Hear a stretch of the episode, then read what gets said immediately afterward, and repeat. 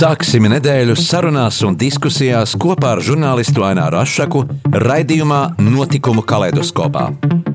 Ik pirmdienu, 2013. Radio Marija Eterā. Tiksimies ar amatpersonām, interesantiem cilvēkiem, runāsim par aktuālitātēm un ikdienišķām lietām. Gaidīsim arī klausītāju jautājumus Radio Marija studijas viesiem. Ik pirmdienu, 2013. raidījumā Notikumu kaleidoskopā.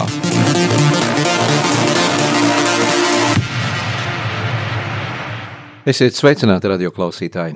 Šodien studijā valsts svētku nedēļā esmu aicinājis Paula Stradiņa Kliniskās universitātes slimnīcas komunikācijas daļas vadītāju Janitu Veinbergu. Labdien, Janita! Labdien!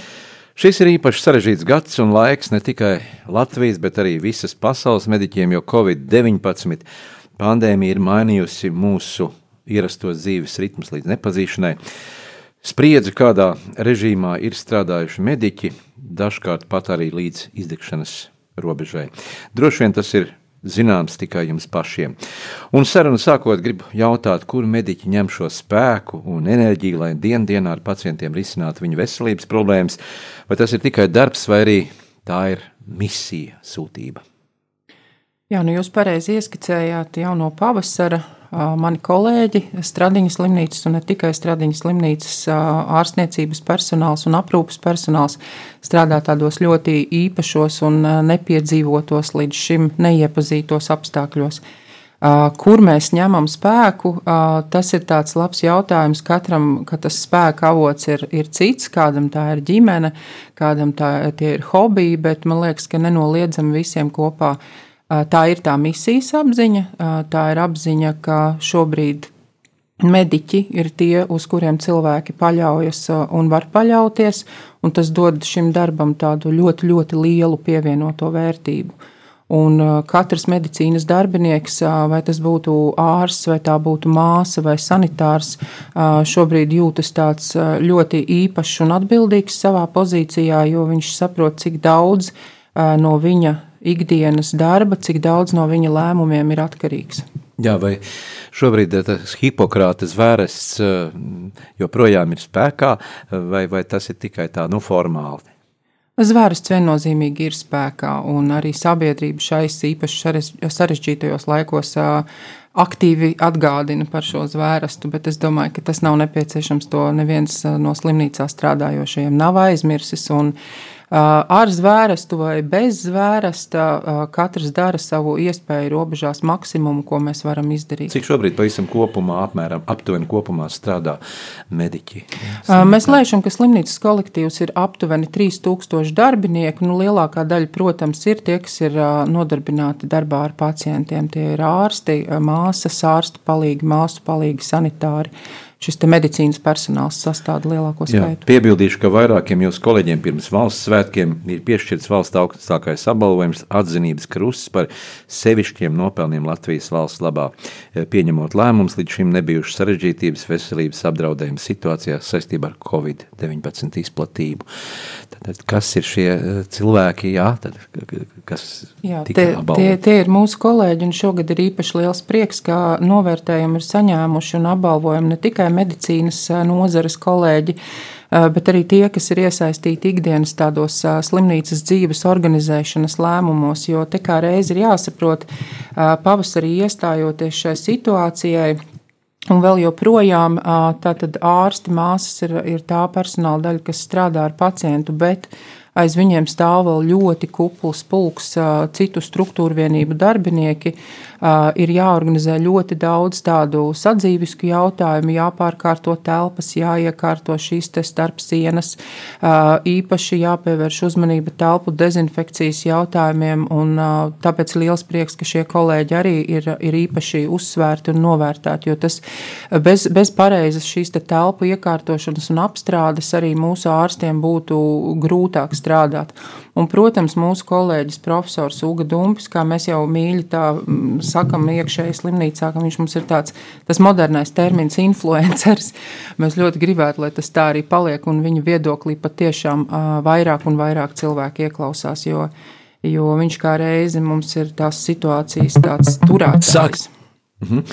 Šobrīd valstī, kā zināms, ir izsludināts ārkārtas stāvoklis, ārkārtas situācija. Kādas izmaiņas šajā laikā ir jūsu ārstniecības iestādē? Kā ar plānveidu operācijām, kā ar mm, ambulatoriem izmeklējumiem, vai pastāv kādi būtiski ierobežojumi, kas šobrīd jāievēro un cik tas varētu ilgt ilgi?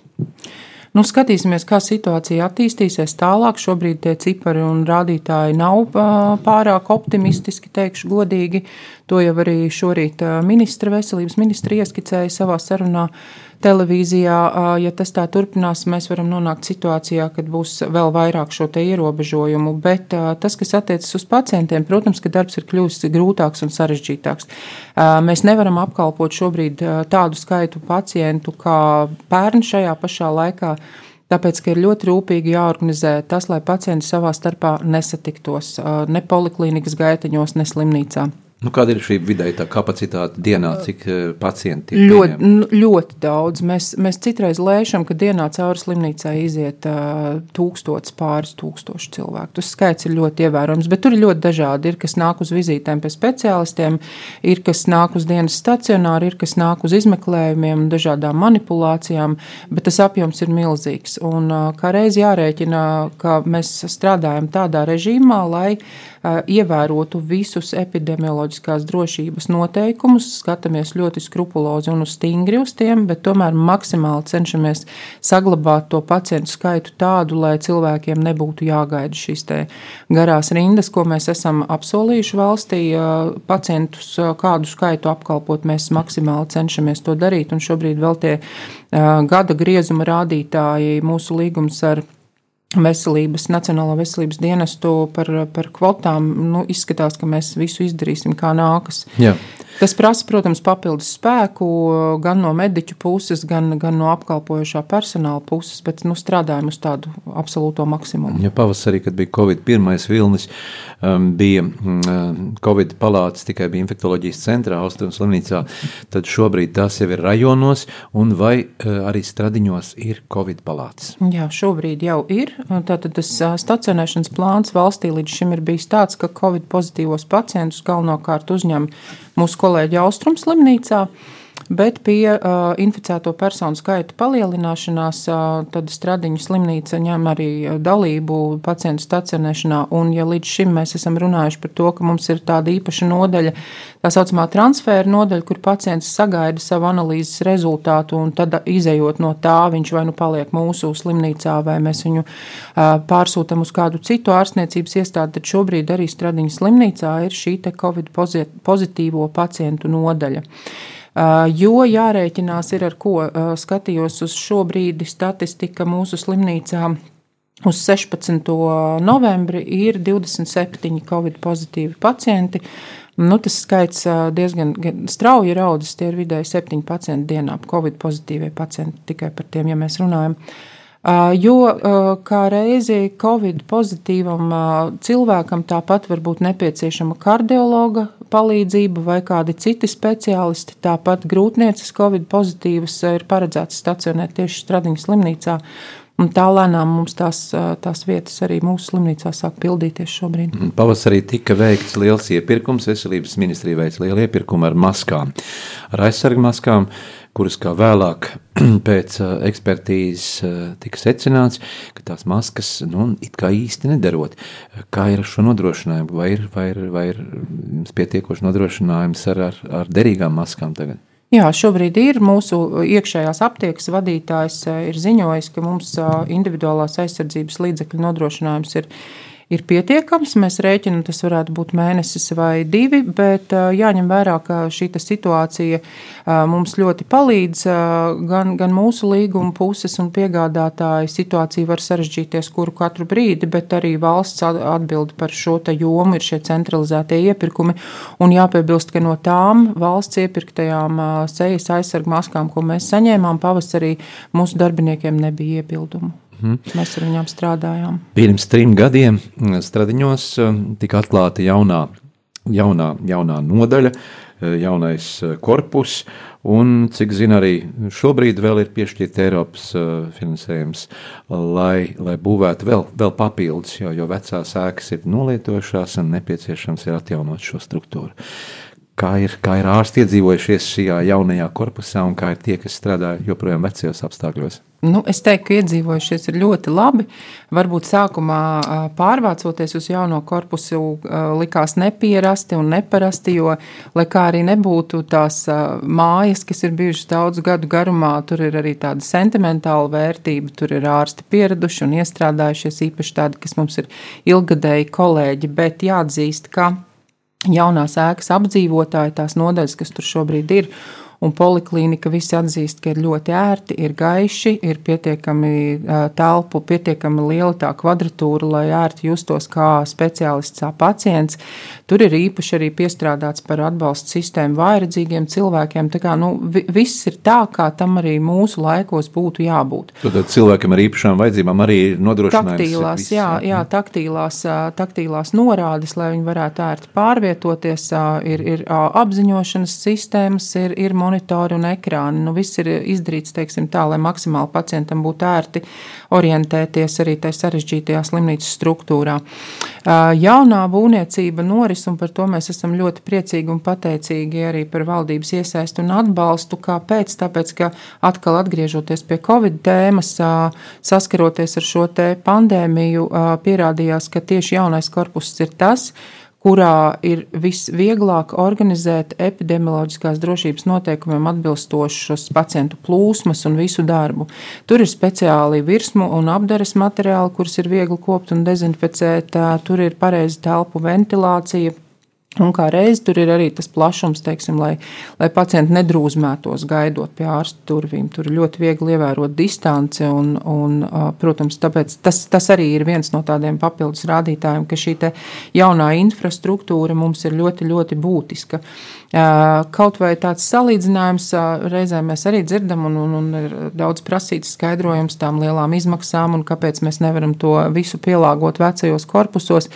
Eh, tad mēs labprāt vienmēr atgādinām kaut vai tādu vienkāršu lietu kā operācija zāle, kas vairs nav kā 60. gados vai, vai tur desmit gadiem atpakaļ, ka tā ir vienkārši telpa ar flīžu sienām un galdu vidū Šobrīd mēs jau runājam par lielu skaitu personāla, kas piedalās operācijā. Šīs ir tās tā saucamās tās multifunkcionālās komandas. Tātad tur ir daudz cilvēku apkārt pacientam, tur ir īpaša aparatūra, medicīnas tehnoloģijas attīstās ļoti strauji, un šie modernie ārstniecības aparāti ir ļoti smagi. Tās ir tonnas un pat vairākas, un, diemžēl, vecajā korpusā, lai cik viņš arī mums tāds mīļš un emocionāli tūs nebūtu, nav iespējams uh, to visu Jā. salikt. Es arī gribu piebilst, ka, lai arī kā mēs kādreiz sakām, ka jā, mums, mēs varbūt neesam tik attīstīti kā tās Rietumē Eiropas valstis, un tomēr uz tā fona ir atsevišķas operācijas, kas ir nu, izcilas ar pasaules tādu vērtību izdarītas, un mūsu personāls ārsti ir, ir īsti profesionāļi pasaules kalngala virsotnē, varētu teikt. Nu, es vēl piebildīšu tikai, ka mūsu speciālisti, daudz no mūsu profesoriem ir ārkārtīgi augstu vērtēti starptautiski, un uh, viņi brauc tāpat profesors Ērglis un profesors Millers, un tā es varētu varētu turpināt nosaucot visu profesoru klāstu, kas mums slimnīcā ir. Un, tā ir tā mūsu unikalitāte, ko varbūt mēs nelīdz galam īsti sabiedrība apzināmies un novērtējam, jo nebūtu ne visās Eiropas valstīs ir ļoti vienkārši pierakstīties vizītē pie profesora bet kā reiz Latvijā tas ir iespējams, to, to var izdarīt, un šie cilvēki pie slimnīcā, viņi mums strādā, viņi operē, viņi, viņi tieks ar pacientiem, viņi strādā kā ārsti, Un paralēli, vēl pirms Covid, kad tas bija iespējams, ļoti daudz no viņiem aktīvi ceļoja pārvalstīm, apmācot tur speciālistus un, un daloties savā tādā nu, ļoti unikālā pieredzē. Tā kā, jā, tas, mums, tas mums jāprotās novērtēt. Jā, kā ar mediķu pauģu nomaiņu. Vecie mediķi aiziet pensijā, kaut gan daudzi tomēr strādā līdz sirmam vecumam, bet, nu, kā ir ar jaunajiem speciālistiem, kas pabeidz Rīgas Tradiņu universitāti, jo, jo bija laiks mhm, pirms vairākiem gadiem, kad uh, Rietuma Eiropas valstis aicināja doties uz Norvēģiju, uz Vāciju, uz citām valstīm strādāt un tika piedāvāts nu, daudz, daudz lielāks atalgojums. Kā ir šobrīd ar, ar šiem mediķiem, kas pabeidz, absolvē Rīgas Tradiņu universitāti? Mediķi ir, jaunā paudze ir. Mēs ļoti priecājamies un lepojamies un mēģinam arī no slimnīcas puses viņus mazliet izcelt, izcelt saulītē, lai nav tā, ka, ka tikai šie daudz pieredzējušie profesori ir redzami. Mums tā jauns, ļoti aktīvs doktors Kārlis Rācenis, ko varbūt arī cilvēki pamanījuši ir kurš aktīvi iestājās arī par šiem mediķu atalgojumu jautājumiem. Jauno speciālisti ir, bet, protams, ka viņu skaits nav pietiekams, viņu varētu būt vairāk. Un šobrīd varbūt arī tā lielā sāpes slimnīcā jauni ārsti ir un māsas arī, bet tas skaits absolūti nav pietiekams. Un, ja mēs redzam, visu laiku mūsu slimnīcā ir ļoti problemātiski aizpildīt tieši māsu vakances. Nepateikšu konkrētos ciparos, bet nu, regulāri ap 60, 70 ārstu vakances, vēl vairāk māsu vakances ir atvērtas. Un tad mēs esam skatījušies, kā tas tā nākas, jo jaunās meitenes it kā profesijā ir ieinteresētas un uz māsu koledžām arī dodas un mācās, bet līdz slimnīcām nenonāk. Un te ir jāsaprot divi aspekti. Viens, protams, ir šis atalgojuma jautājums. Varbūt pabeidzot māsu koledžu, tas cilvēks saprot, ka viņš labāk nopelnīs kādā kosmētikas salonā, bet otrs ir arī tas, ka darbs ir ļoti, ļoti smags slimnīcā. Viņš ir fiziski un emocionāli izsmeļošs, nogurdinošs un smags. Varbūt arī tas ir tāds, tāds aspekts. Gadu gadiem arī varbūt ir bijis mediķiem maz, mazliet arī māsām šis te nenovērtēšanas tāds, tāds mm -hmm. faktors, ka viņi nav jūs, jutušies gana novērtēti. Tad, Tā kā palikt otrā plānā. Ja? Palikt otrā plānā, vai tie ir tādi paši atalgojumi jautājumi, vai kaut kādas tādas nu, tīri darba sakārtošanas lietas. Mēs zinām, māsas pašas jau ļoti atklāti stāsta, ka viņām nāks strādāt vairākās darba vietās viņas ceļo no vienas slimnīcas uz otru. Māsas strādā gan reģionālajās ārstniecības iestādēs, gan tad braukā uz Rīgu. Un, un tas, protams, tas nav viegli izdarīt. Un, lai uz kaut ko tādu parakstītos, un visās nodaļās turklāt ir pacienti, kuri ir mūsu slimnīcā īpaši smagi pēc operāciju pacienti. Kā, nu, tur, tur ir jābūt misijas apziņai. Jā, bet tagad paklausīsimies skaņdarbu, ko izvēlējās mūsu šīsdienas studijas viesis, Pauls Tradiņa Kliniskās universitātes slimnīcas komunikācijas daļas vadītāja Janita Veinberga. Lai skan mūzika! Words are flowing out like endless rain into a paper cup. They slither while they pass, they slip away across the universe. Of sorrow, waves of joy are drifting through my open mind, possessing and caressing me. Jai Guru Deva.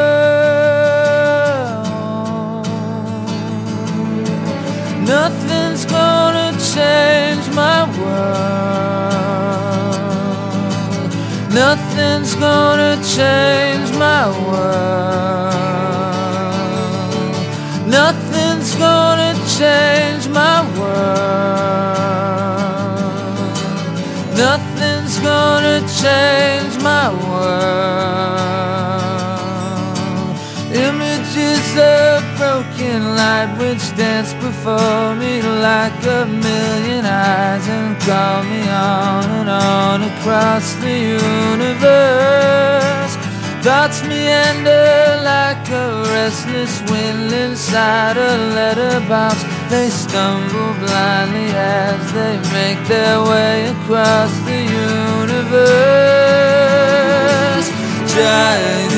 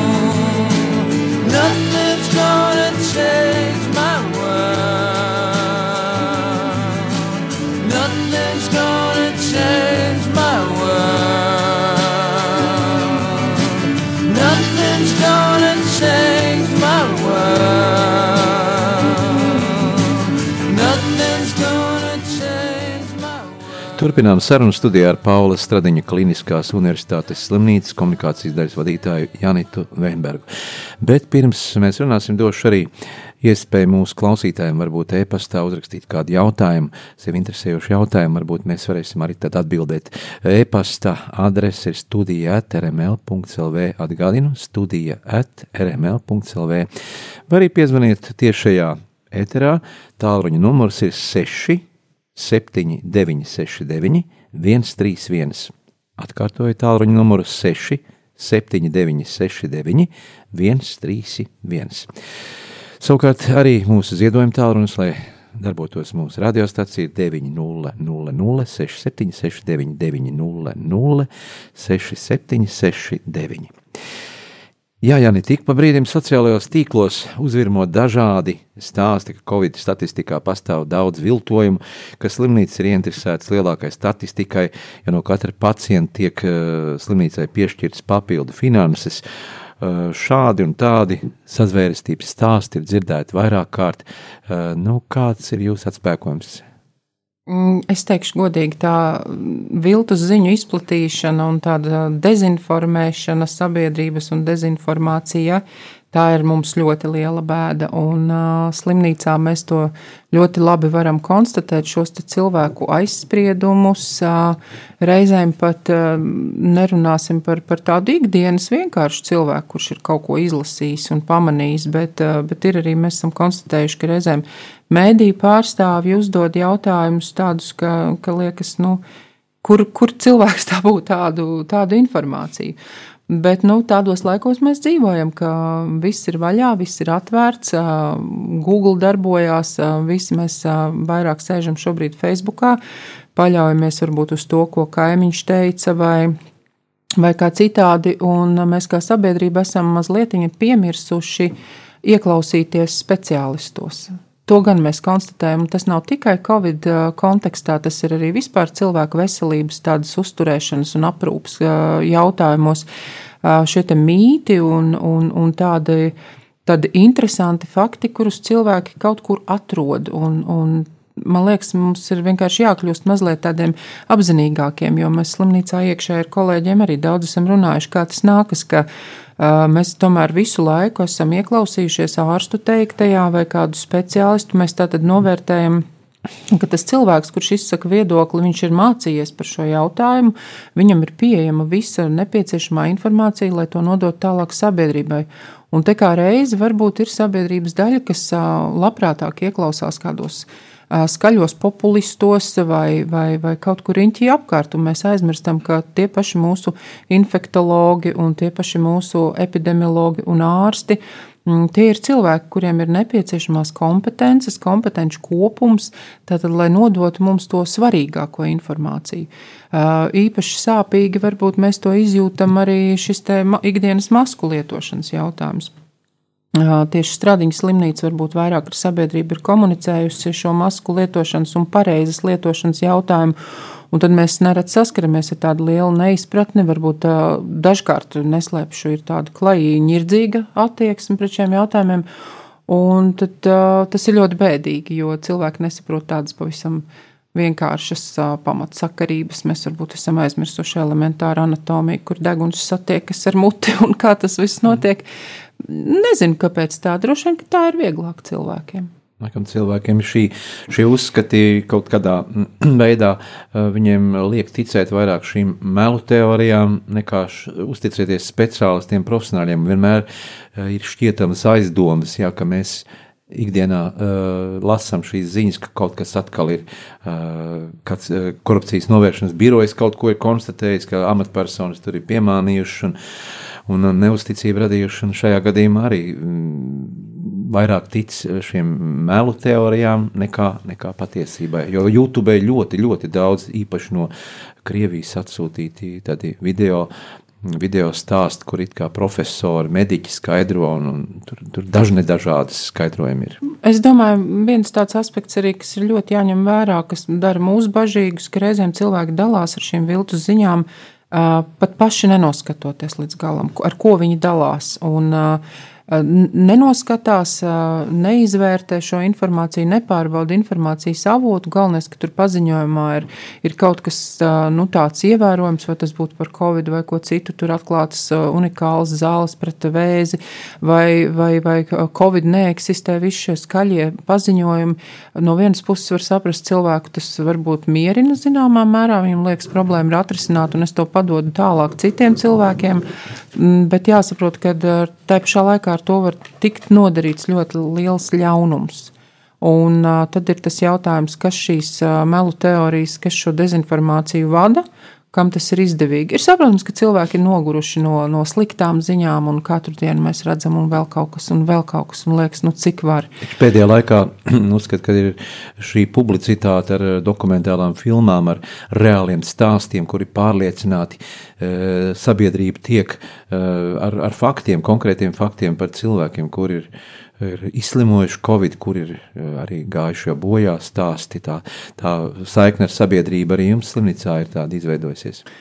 Jā, ir, un mēs esam konstatējuši varbūt tādas dažas nacionālās īpatnības. Mēs tā reizēm pie sevis domājam, ka mēs latvieši esam tāda īpatnēja tauta, Tad, kad mums nav covid, tad ir slikti.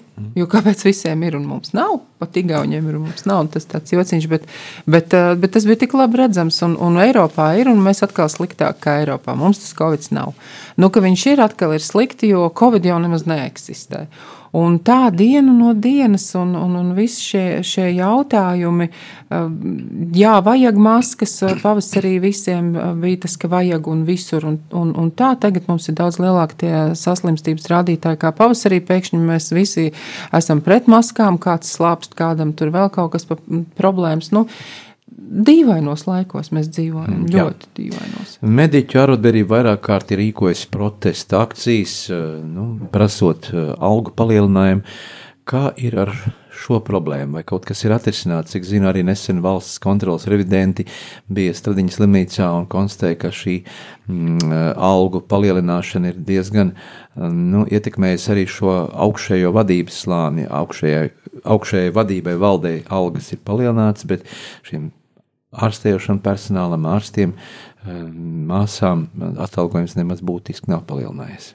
Ziniet, tas eh, nebūs īsti precīzi. Tur vairāk nav runa par valdi, tur ir par tādiem eh, vadošajiem medicīnas speciālistiem, tātad klīniku centra vadītāji varbūt tādā griezumā. Bet atkal, jā, šī revīzija slimnīcā bija, un slimnīcas vadītāji novērtē revīzijas slēdzienus, secinājumus, jo nav noslēpums, ka reizēm no malas varbūt ir labāk redzams, ko vēl darīt labāk un savādāk. Bet viens gan jāsaka, ka atalgojuma sistēma slimnīcā tas ir ārkārtīgi smags un ārkārtīgi sarežģīts aparāts. Māsas, protams, ka nepelna vienādu un ārsti nepelna vienādu, jo te ir tik daudz atšķirību. Ir kāds ārsts, pieņemsim, pacients pieņem vienu dienu nedēļā trīs stundas, bet ir kāds ārsts, kas to dara katru dienu no rīta līdz vakaram. Ir ārsti, kas operē, ir ārsti, kas neoperē, un tie iemesli, kāpēc kāds dara tā vai savādāk, ir ļoti dažādi. Tāpat māsas visās nodaļās māsu darbs nav vienāds. Var būt nodaļa, kurā ir mazāk sarežģīti pacienti, un, un tad ir māsa, piemēram, kas strādā ar pēcoperāciju pacientiem intensīvās terapijas nodaļā, kur ir ļoti sarežģīta aparatūra, un viņai ir jāpārzina, kā tas viss mhm. darbojās. Tātad, attiecīgi, tur arī tas atalgojums. Tad ir, protams, darba stāsts, tad ir slodzes, tur ir tik ļoti Tie daudz, daudz dažādi faktori, kas ārkārtīgi daudz mhm. sīku, mazu mehānismu, kas sajiet kopā. Tāpēc, teiksim, tas paziņojums varbūt par to, ka atalgojums nav taisnīgs, tomēr mēs gribētu drusciņi um, varbūt norādīt uz to, ka tad, tad ir jautājums, kas ir taisnīgs. Bet, ja runā par tieši to politisko varu, kas ir nu, tieši teikšu, slimnīcas vadība. Vadība jau no 2017. gada aktīvi strādā pie šiem atalgojuma jautājumiem. Un tas vienmēr ir bijis tāds dienas kārtības jautājums, prioritārs jautājums. Bet līdz ar to tātad, ka visa tā sistēma un jāskatās, no kurienes nāk slimnīcas budžets un kā veidojās viss šis atalgojuma modelis, tur ir ļoti, ļoti, ļoti daudz darba. Bet saņemot šo valsts tātad, kontrolas revīzijas ziņojumu, mēs arī paši esam publiski pauduši, ka Jā, šie pieci ieteikumi, kas, kurus slimnīca ir saņēmusi, viņi tiks ņemti vērā, un par to mēs kā reizi runāsim, un vadība šiem jautājumiem pievērsīsies. Bet vēl viens aspekts ir šis jaunais atalgojuma modelis, kuru testēja Veselības ministrija mūsu slimnīcā, un pie kura arī būs jāķerās pie, pie šī darbiņa no 1. janvāra. Tā kā nu, mūs sagaida, teiksim, tā slimnīcas vadība un administrācijas darbiniekus sagaida tāds ārkārtīgi apjomīgs darbs, jo Tur ir ar amatu aprakstiem ļoti daudz jāstrādā un atkal jāveido jauns viss šis modelis. Tas nebūs ne ātri, ne viegli. Kā šobrīd ir ar neatliekamās medicīniskās palīdzības? izsaukumiem, eh, kā cilvēki vairāk kārt ir, nu, nu varbūt eh, tādā neziņā saukt to neatliekamo palīdzību vai nesaukt. Eh, kā ir? Nu, mēs viennozīmīgi pastāvam uz to, ka saukt, gaidīt un ciesties nevajag. Uh, Mēs esam izturīgi cilvēki, jā, mēs esam tā arī pieraduši, pat slikti jūtoties, iet uz darbu un ciesties un izturēt līdz pēdējiem. Nu, to nu nevajadzētu darīt nekādā gadījumā. Jo es gribu atgādināt vēlreiz visiem klausītājiem, slimnīca strādā ar visiem pacientiem. Šis apgalvojums vai kaut kāda viedokļa, ka slimnīcā doktori sēž un šūpo kājas un gaida tikai covid pacientus, tas ir pilnīgi aplams, darbs nav apstājies. Īpaši jāuzmanas ir mūsu senioriem ir šīs insulta, infarkta pazīmes, nekādā gadījumā nevajag ciesties vai baidīties, kad tiks ņemtas kādas covid analīzes vai kaut kas. NMPD dienas strādā, pie mums arī ikdienu, gan pacienti ierodas paši, gan atveda NMPD brigādes, pacienti tiek apskatīti, tiek viņiem sniegta visa nepieciešamā akūtā medicīniskā palīdzība. Tad tālāk pacients jau var doties vai nu mājās un ārstēties ģimenes ārstu uzraudzībā vai vai pie nepieciešamības viņš tiek stacionēts. Bet, bet to nu gan, mīļie cilvēki, neciešaties, zvanat, izrunājiet savu sāpju, savu problēmu, tur jūs saņemsiet palīdzību un ieteikumus, kā rīkoties tālāk. Un kāds ir šis vidējais laiks, cik cilvēki pavada aptuveni slimnīcā? Ja agrāk tas bija nu, divas, trīs nedēļas cilvēki uzturējās slimnīcā, tad šodien, šobrīd kā tas ir? Piecas dienas. Piecas dienas. Piecas dienas. Tas ir tas laiks, jā, jo, jo stacionēšanās tās dienas skaits sarūk. Un tālāk pacients tiek jau izrakstīts tālākam ārstēšanas plānam mājās, kas notiek sadarbībā gan ar viņa ģimenes ārstu, gan ar mūsu speciālistiem, kas savus, teiksim, ja mēs runājam par kādiem operētiem pacientiem, turpina uzraudzīt viņu veselību. Jā, man viena pacienta arī pirms sarunas es runāju, ka mm, teica, lai pasaka lielu paldies par to, ka Stradiņas slimnīcā ir laba ēdināšana, salīdzinot ar to, kā tas ir reģionālajās slimnīcās Liepājā konkrēti, piemēram, ka, ka Stradiņos viņas teica, jā, wow, tas bija tur atnest tajās kārbiņās, tur pilnīgi cits servis un, un, un, un, un, un, un, un cita tāda, tāda kvalitāte. Paldies, kā, prieks dzirdēt atzinīgus vārdus, es nodošu kolēģiem. Bieži jau tas nav, ka labs vārds pasaka. Ja? Ziniet, nē, ir gan bieži. Mums raksta ēpastus un vēstules nāk ar roku rakstīts no visām Latvijas malām, un tad uh, tas ir tāds īpašs prieks, un, un uh, mēs arī sūtam uh, pašiem ārstiem, mums arī ir slimnīcā tāda iekšējā lapa, tāds uh, intranets saucamais iekšējais tīkls, kur mums ir īpaša sadaļa pateicības un ļoti labprāt dalāmies un, un, un redzam, ka tā, tas tiešām ārsts un māsas iepriecina. Un katrs labs vārds ir, ir tāds ikdienai ļoti labs uzmundrinājums. Laikam jau katrs mēs esam tikai cilvēki, katram mums ir sava uh, telpa ārpus darba vietas un savas problēmas, tāpēc nevienmēr varbūt arī ne tā pasmaida un tā tie konflikti arī rodās. Jā, var būt situācijas dažādas. Protams, ka arī ārsts un māsa ir tikai cilvēks un, un gadās dažādi, bet, bet jāsaka, ka tie varbūt ir tādi izņēmumi un labo vārdu ir daudz. Un mums šajos apstākļos arī personāls, es varētu teikt, ir tāds stresa noturīgs un, un, un labi mācīts. Mēs, man ir prieks redzēt, kā, kā mēs paši turamies un, un līdz ar to arī uzmundrinam varbūt tos savus pacientus un pacientu piedarīgos. Jā. Uh, Laiks atkal mūzikai, bet atgādināšu šo tāluņa numuru. Varbūt kāds arī klausītājs varētu uzdrošināties un pateikt kādu labu, sirsnīgu vārdu šajā valsts svētku nedēļā mūsu sarunas viesim, Pauli Tradiņa Kliniskās universitātes slimnīcas komunikācija daļas vadītājai Janitai Veinbergai. Bet tagad lai skan mūzika. I wish, I think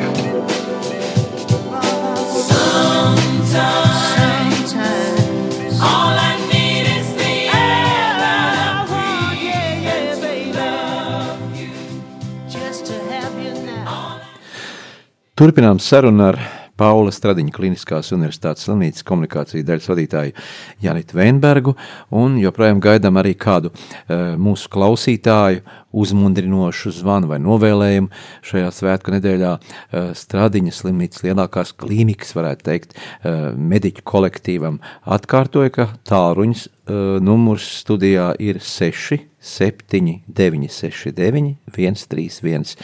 Tālruņa numurs ir 6 7, 9, 6, 9, 1, 3, 1. Tikko Pasaules veselības organizācija arī paziņoja, ka ir radīta mm, pārbaudīta vakcīna pret covid-19, un jau nākamā gada pirmajā ceturksnī tā varētu sasniegt arī Latviju. Tas, tā ir, zināmā mērā, ļoti cerīga ziņa. Uh, bet arī šeit ir vairākas sazvērestības teorijas, ja, kā vakcīna ir ceļa sākums cilvēku čipižēšanai, savienojumā ar modernajām tehnoloģijām, ar 5G un daudz ko vēl. Nu, kā jūs komentētu šo, uh, šo, šo vakcīnu, par kuru jau tiek plaši runāts, ka tā ir amerikāņu vācu kompānijas Pfizer radītā vakcīna?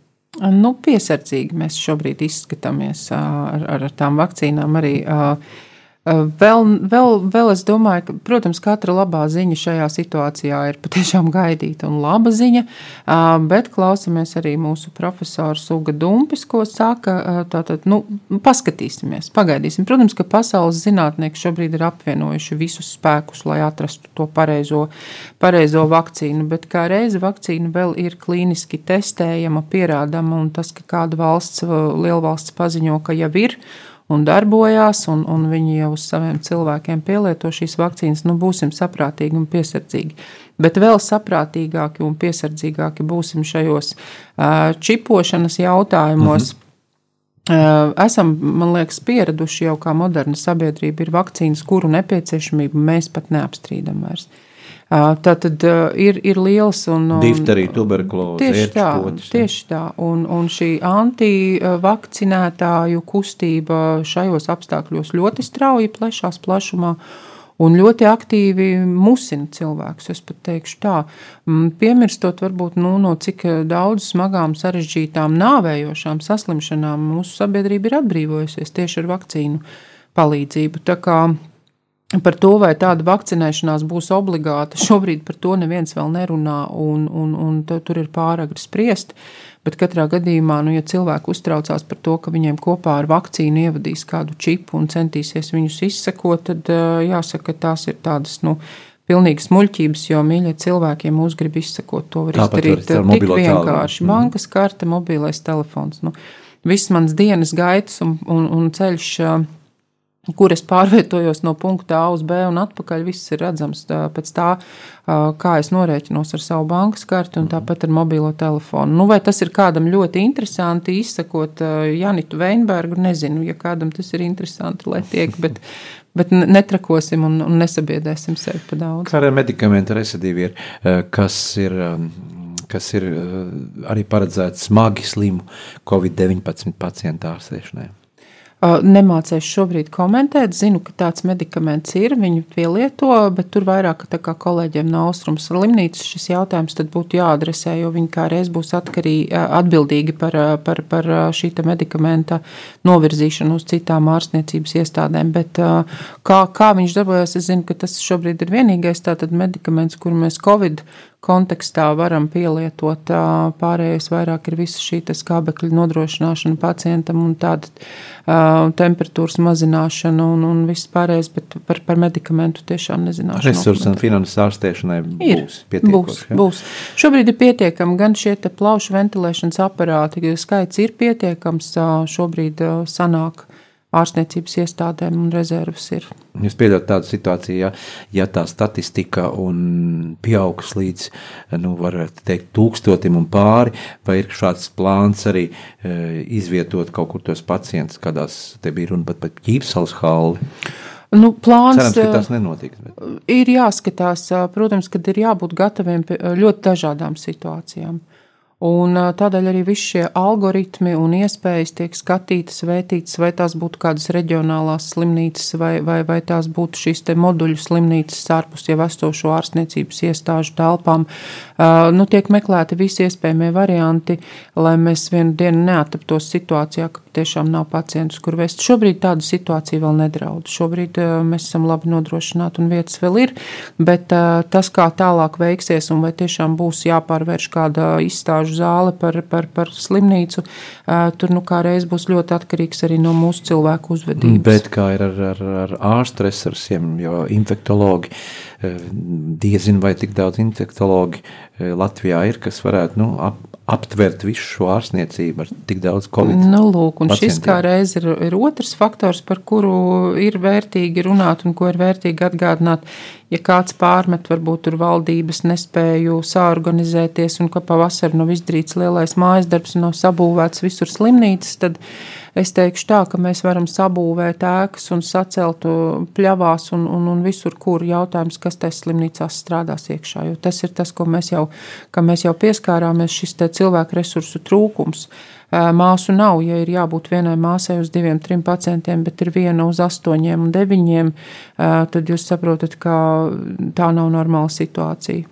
Mums mēs... ir tik resursi, ir tik, cik ir, darbinieki ir tik, cik ir, un, un īpaši Šajā situācijā jau klāt neviens nenāk. Mēs esam uzrunājuši un izplatījuši tādu aicinājumu gan pensionētiem medicīnas darbiniekiem, var, varbūt kādiem, kas strādā citās nozarēs, rezervēt savu, savu iespēju mums palīdzēt, un ir, ir daudz ir atsaukušies arī jāatzīst.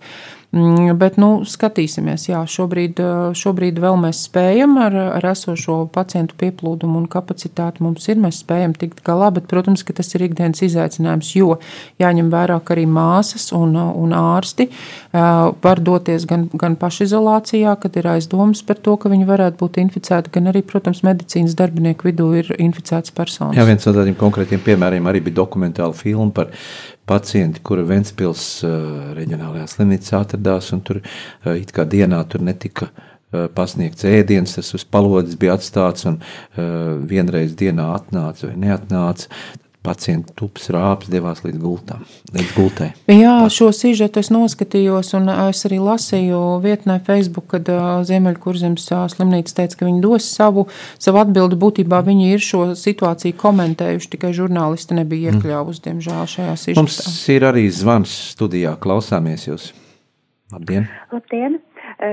Pirmkārt, es gribētu pateikties visiem mediķiem, kuri šajā ļoti smagajā laikā mūs sargā Un es ļoti ceru, ka cilvēki būs atbildīgi un nepadarīs uh, mediķu darbu vēl grūtāku. Um, bet man ir viens jautājums. Um, uh -huh. Es runāju nesen ar ārstu homeopātu, tad tas nav kaut kāds uh, trolis vai kaut kas tiešām uh, praktizējošs ārsts. Un viņš man teica tā, nu, par ko tu uztraucies? Visiem ir jāizslimo Un uh, ir ļoti labi homeopātiski preparāti, kas Covid gadījumā palīdz. Imunitāte, jā. Ja? jūsu komentārs. Mm -hmm. Jā, tātad par paldies. uh, homeopātisku ārstniecību. Mm -hmm. Jā, paldies par zvanu un paldies, paldies. par jautājumu. Paldies.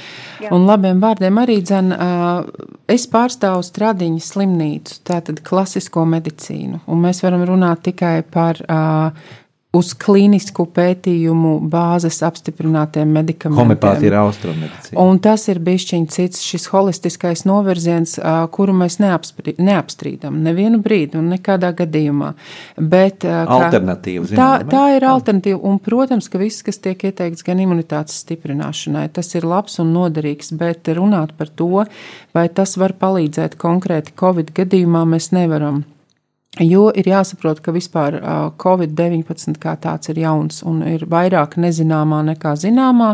Nu jau zinātnieki gan strādā un, teiksim, katru dienu ar vien vairāk mēs iepazīstam šo infekciju, bet šobrīd pateikt, ka kāds homeopātisks preparāts varētu būt tas, kas, nu, palīdzēs, teiksim, un, un aizkavēs inficēšanās riskus vai, vai kā citādi, tas būtu ļoti, ļoti drosmīgi no manas puses un pat no jebkura cita ārsta, mm -hmm. speciālista puses, tāpēc jā, stiprinam savu imunitāti, darām, ko varam, ejam svaigā gaisā, visu pārējo. Arī bet... homeopātija ir medicīna. Droši vien, ka vairāk par to varētu pieredzi no Ķīnas, no Austrum valstīm kāds pastāstīt, vai tur tiešām ir palīdzējusi arī homeopātija. Bet mums ir arī vēl klausītāju laba vēlējuma ziņa e-pastā, un mūsu klausītājs raksta, dargie mediķi, abrīnoju jūsu pacietību, drosmi un izturību.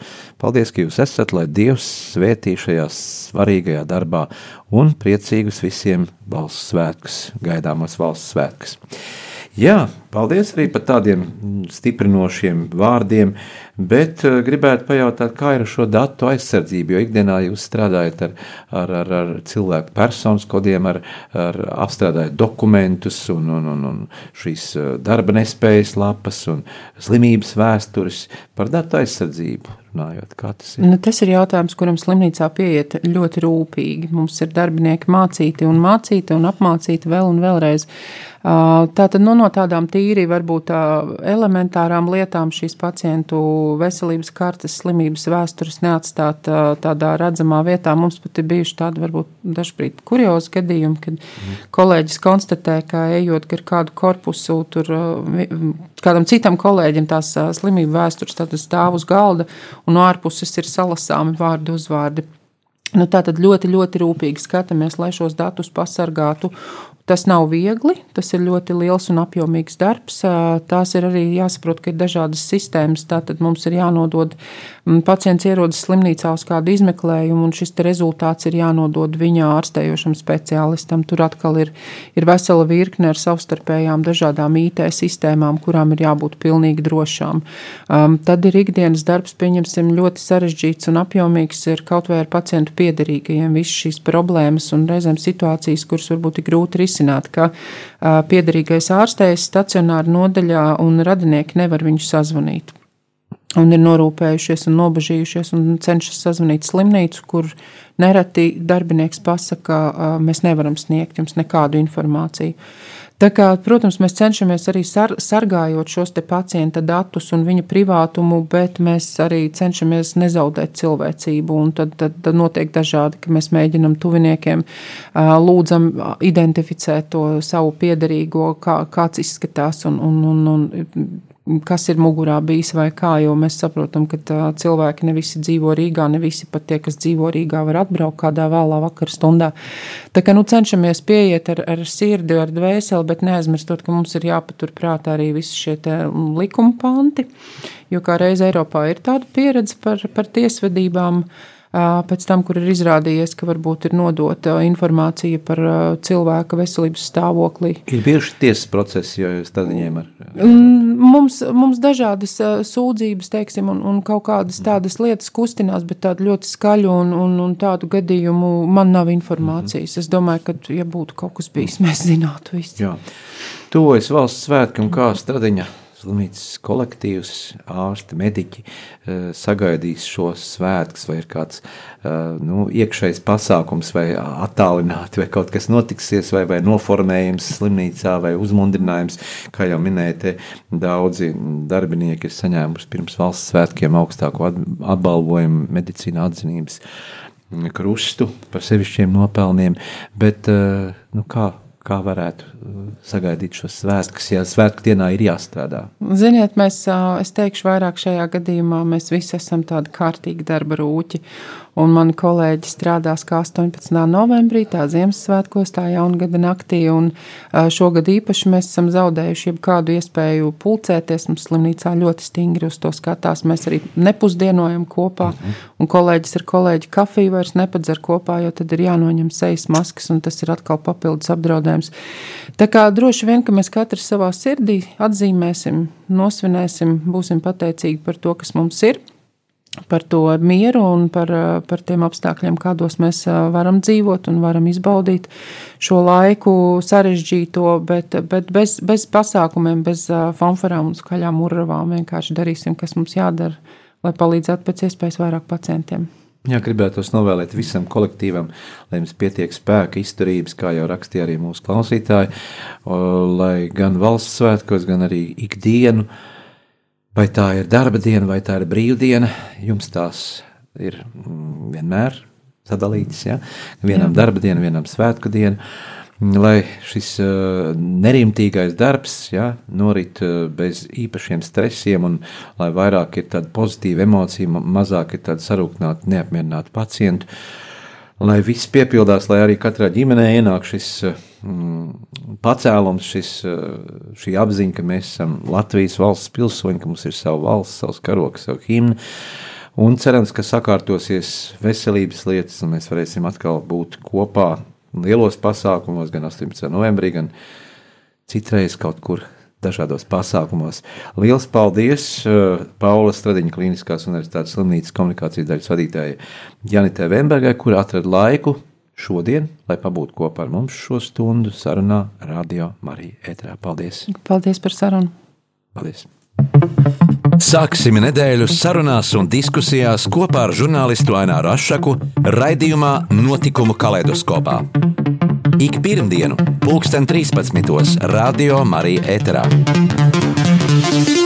Tiksimies ar amatpersonām, interesantiem cilvēkiem, runāsim par aktuālitātēm un ikdienišķām lietām Gaidīsim arī klausītāju jautājumus Radio Marijas studijas viesiem. Ik pirmdienu, pulksten 13. raidījumā Notikumu kaleidoskopā.